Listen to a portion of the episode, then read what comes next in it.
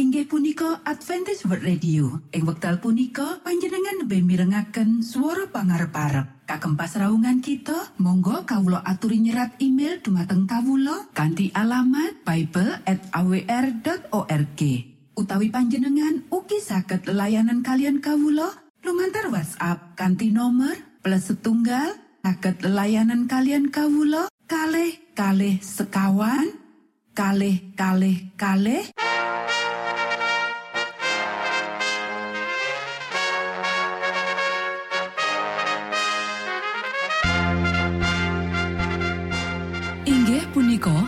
Adventist World Radio ingkang giaran kanti basa Jawi. Tentrem Rahayu Kulo aturaken kagem poro Mitra kinasih ing pundi papan lan panggonan. Sugeng pepanggian malih kalian Adventist World Radio.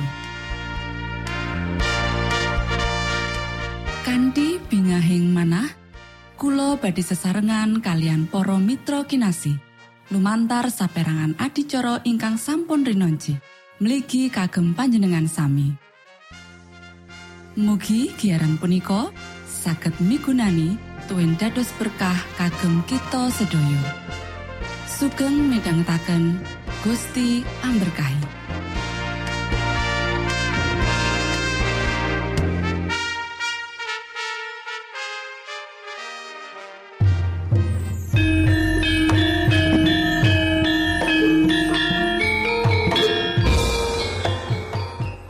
Para pamirsa kinasih ing Gusti Yesus Kristus.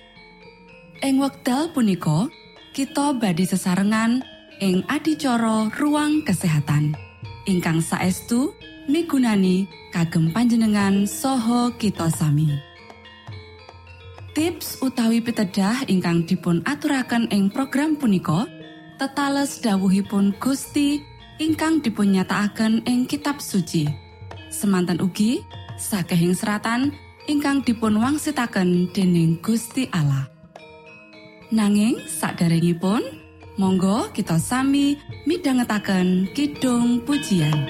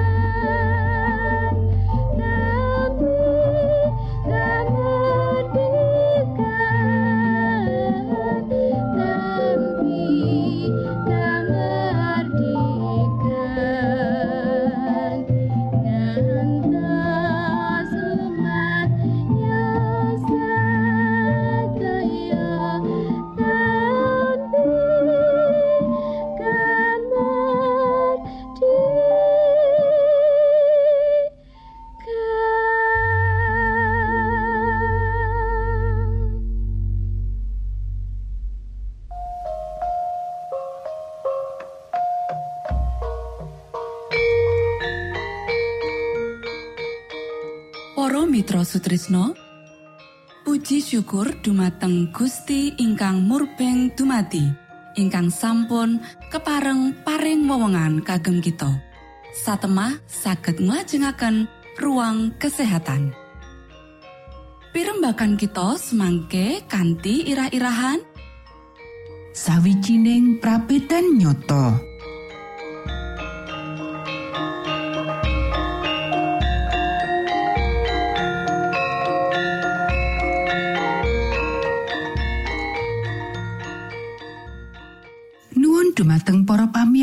Ingkang dahat kinurmatan, sugeng pepanggian malih kalian kula Isti Kurnaidi ing adicara ruang kesehatan. Ing dinten punika kanthi irah-irahan sawijining prabedan nyoto. Para sederek ingkang kinasih, panyingkuran diri, andhap asore ati lan pertarakan dibutuhake dening wong saleh ya iku wong-wong sing dituntun lan diberkati Allah.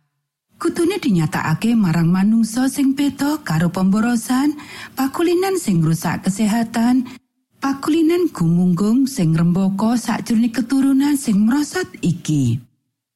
Gusti wis nuduhake menawa reformasi kesehatan banget raket sesambungane karo pakabaran malaikat katelu kaya dene lengen sesambungan karo badan. Ora ana ing ngendi wae uga ditemoni panyebab utama kemerosotan badan lan moral sing gedhe kaya anglirwakake piwulang pigati iki. Wong-wong sing manjakake selera lan nepsu sarta merem tumrap pepadang amarga wedi bakal ndeleng pemanjaan kebak dosa sing dheweke ora gelem ninggalake ya iku salah ing ngersani Gusti Allah. Para sedherek ingkang kinasih, Sapa wae sing nolak pepadang iku senatian mung sepisan ateges wis ngatosake ati kanggo nolak pepadang liyane.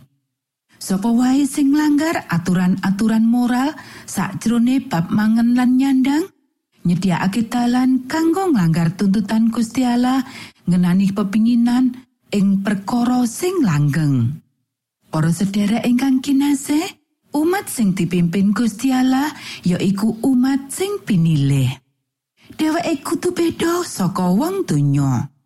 Menawa dheweke nuruti pimpinaning Gusti, dheweke bakal nindakake kersane lan bakal masrahake kekarepan marang kersane.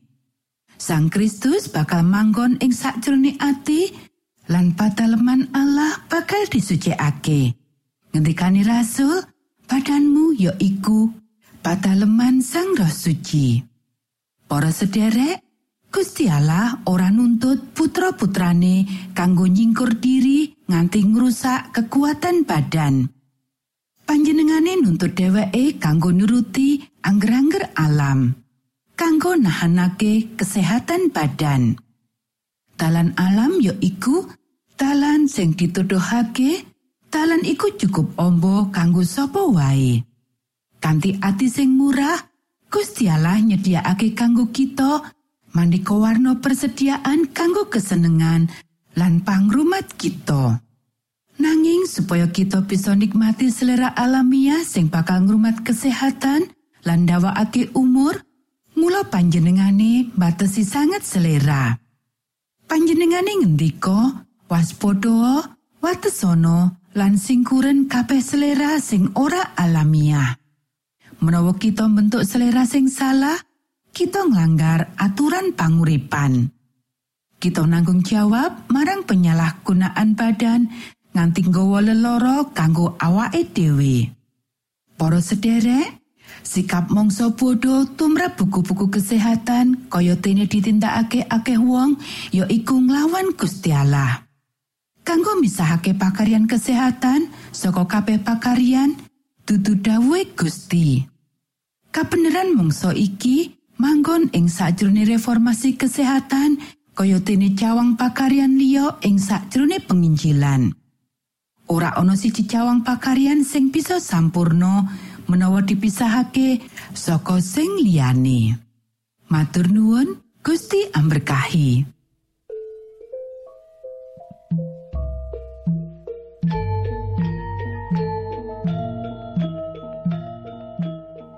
Cekap semanten pimbakan ruang kesehatan ing episode dinten punika. Ugi sampun kuatos jalaran kita badhe pinanggih malih ing episode sak lajengipun.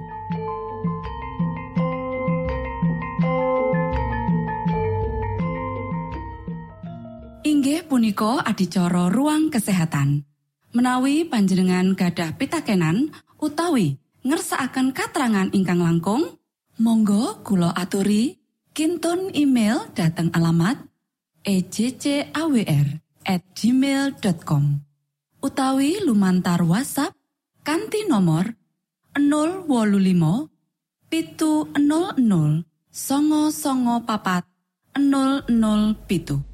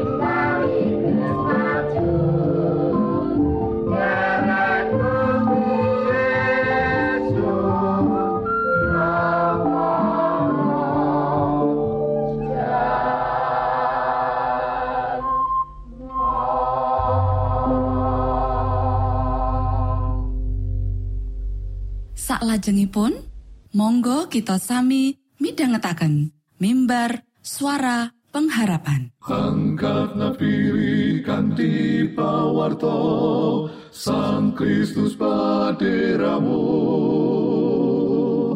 Pro umat samyo puji asmanyo Sang Kristus paderamu. Inggih punika mimbar suara pengharapan ing episode punika kanthi irah-irahan Katawan ing tengahing budaya monco. sugeng midhangetaken. Tondo Sang Kristus paderamu ilmu kawero tambah tambah. Sang Kristus paderamu paderamu paderamu Sang Kristus paderamu Shalom para pamiarsa ingkang kinasih wonten ing Gusti. Sakmenika kita badhe mitangetaken renungan Sabda pangantikanipun Gusti. Ing dinten punika kanthi irah-irahan katawan ing tengahing budaya monco. Para sedherek ingkang kinasih, ora gampang kanggo kapisahake ing tengahing budaya monco. Ora gampang kanggo kita wektu iki mangerteni apa sejatine kang diadepi dening para wong Yahudi iku. Sepisan, padha ngadepi panguasane bangsa Babel lan kapindhone ngadepi panguasane bangsa Persia. Para sedherek ingkang kinasih, sawijining contoh ora ana wong siji wae ing antarane kita kang urip ing negara Advent kang ngetrapake prinsip-prinsip iman kita sakjroning tataran tertentu dadi angger-angger ing sajroning tata pranataning negara. Ananging sadurunge katawan, para wong Yahudi kuwi wis manggon ing negarane dhewe nalika prinsip dasar kaimanane minangka perangan kang wigati jroning pranatane angger-angger ing negarane wong-wong iku.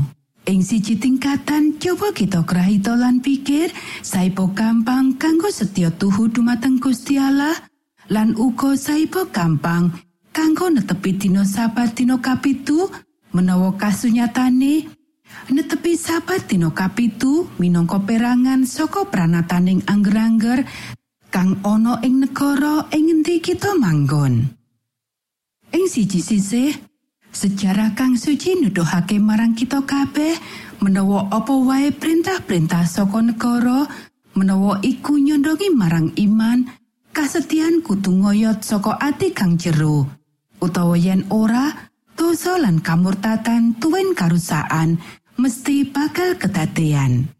Sarto Gusti Allah wis ngendika mangkene Ing sarene bangsa iki sowan kalawan cangkeme lan nuhurake ingsun kalawan lambene. Mongko atine ngetohi ingsun. Tuwin anggone ngabekti marang ingsun iku mung marga saka perintah manungsa kang diapalake. Yesaya pasal 29 ayat telulas.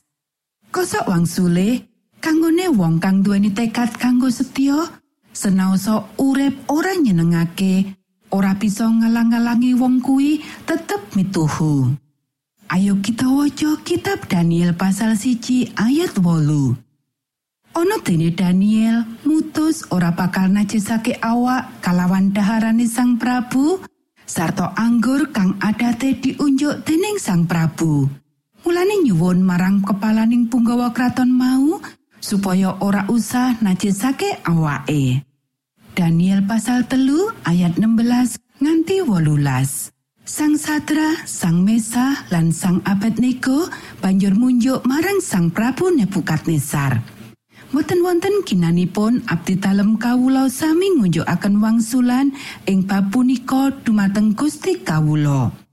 Mbok pilih Allah kawula ingkang sami kawula pepuja saged ngluwari kawula sedaya kawula inggih sami badhe kaluwaran dening panjenenganipun saking pawon murup punika. Saha saking asta dalem do sang Prabu.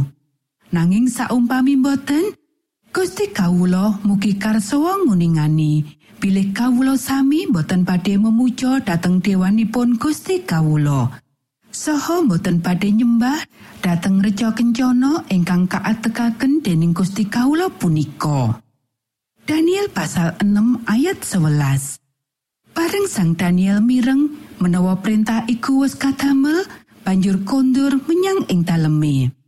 Ing panggunging daleme ana jendelane mengo madhep ing kiblate kutha Yerusalem.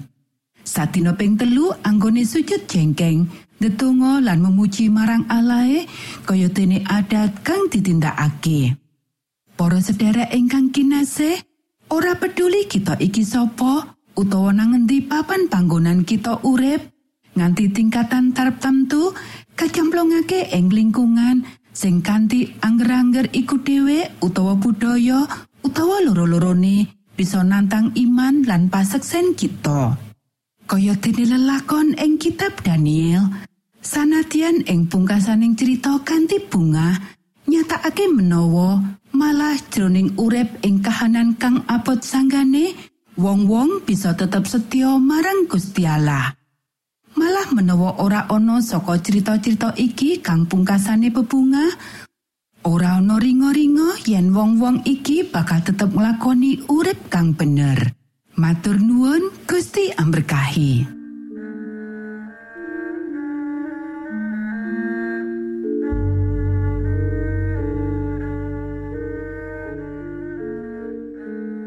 Mitra Sutrisno pamiarsa kinasih ing Gusti Yesus Kristus.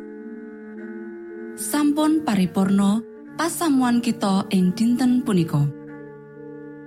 Menawi panjenengan gadah pitakenan utawi ngersaakan seri pelajaran Alkitab suara nubuatan Monggo Kulo aturi kinton email dateng alamat ejcawr gmail.com utawi lumantar WhatsApp kanti nomor 025 pitu 00 songo songo papat 00 pitu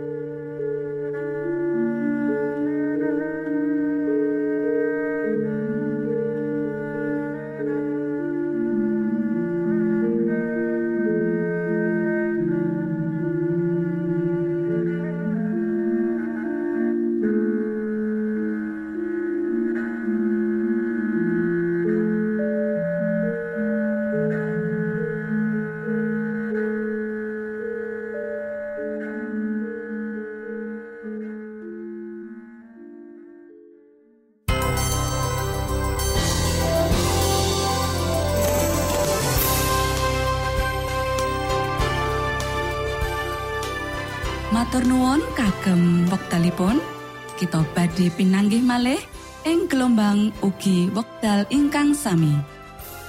Saking studio kula ngaturaken tentrem rahayu. Gusti amberkahi kita sedaya. Maranata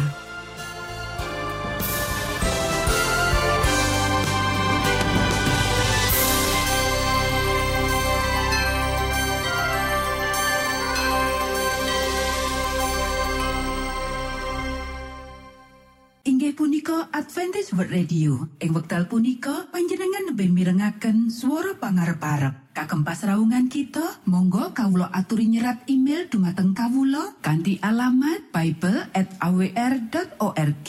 Utawi panjenengan ugi saged layanan kalian kawulo lumantar WhatsApp kanthi nomor plus setunggal saged layanan kalian kawulo kalih kalih sekawan kalih kalih kalih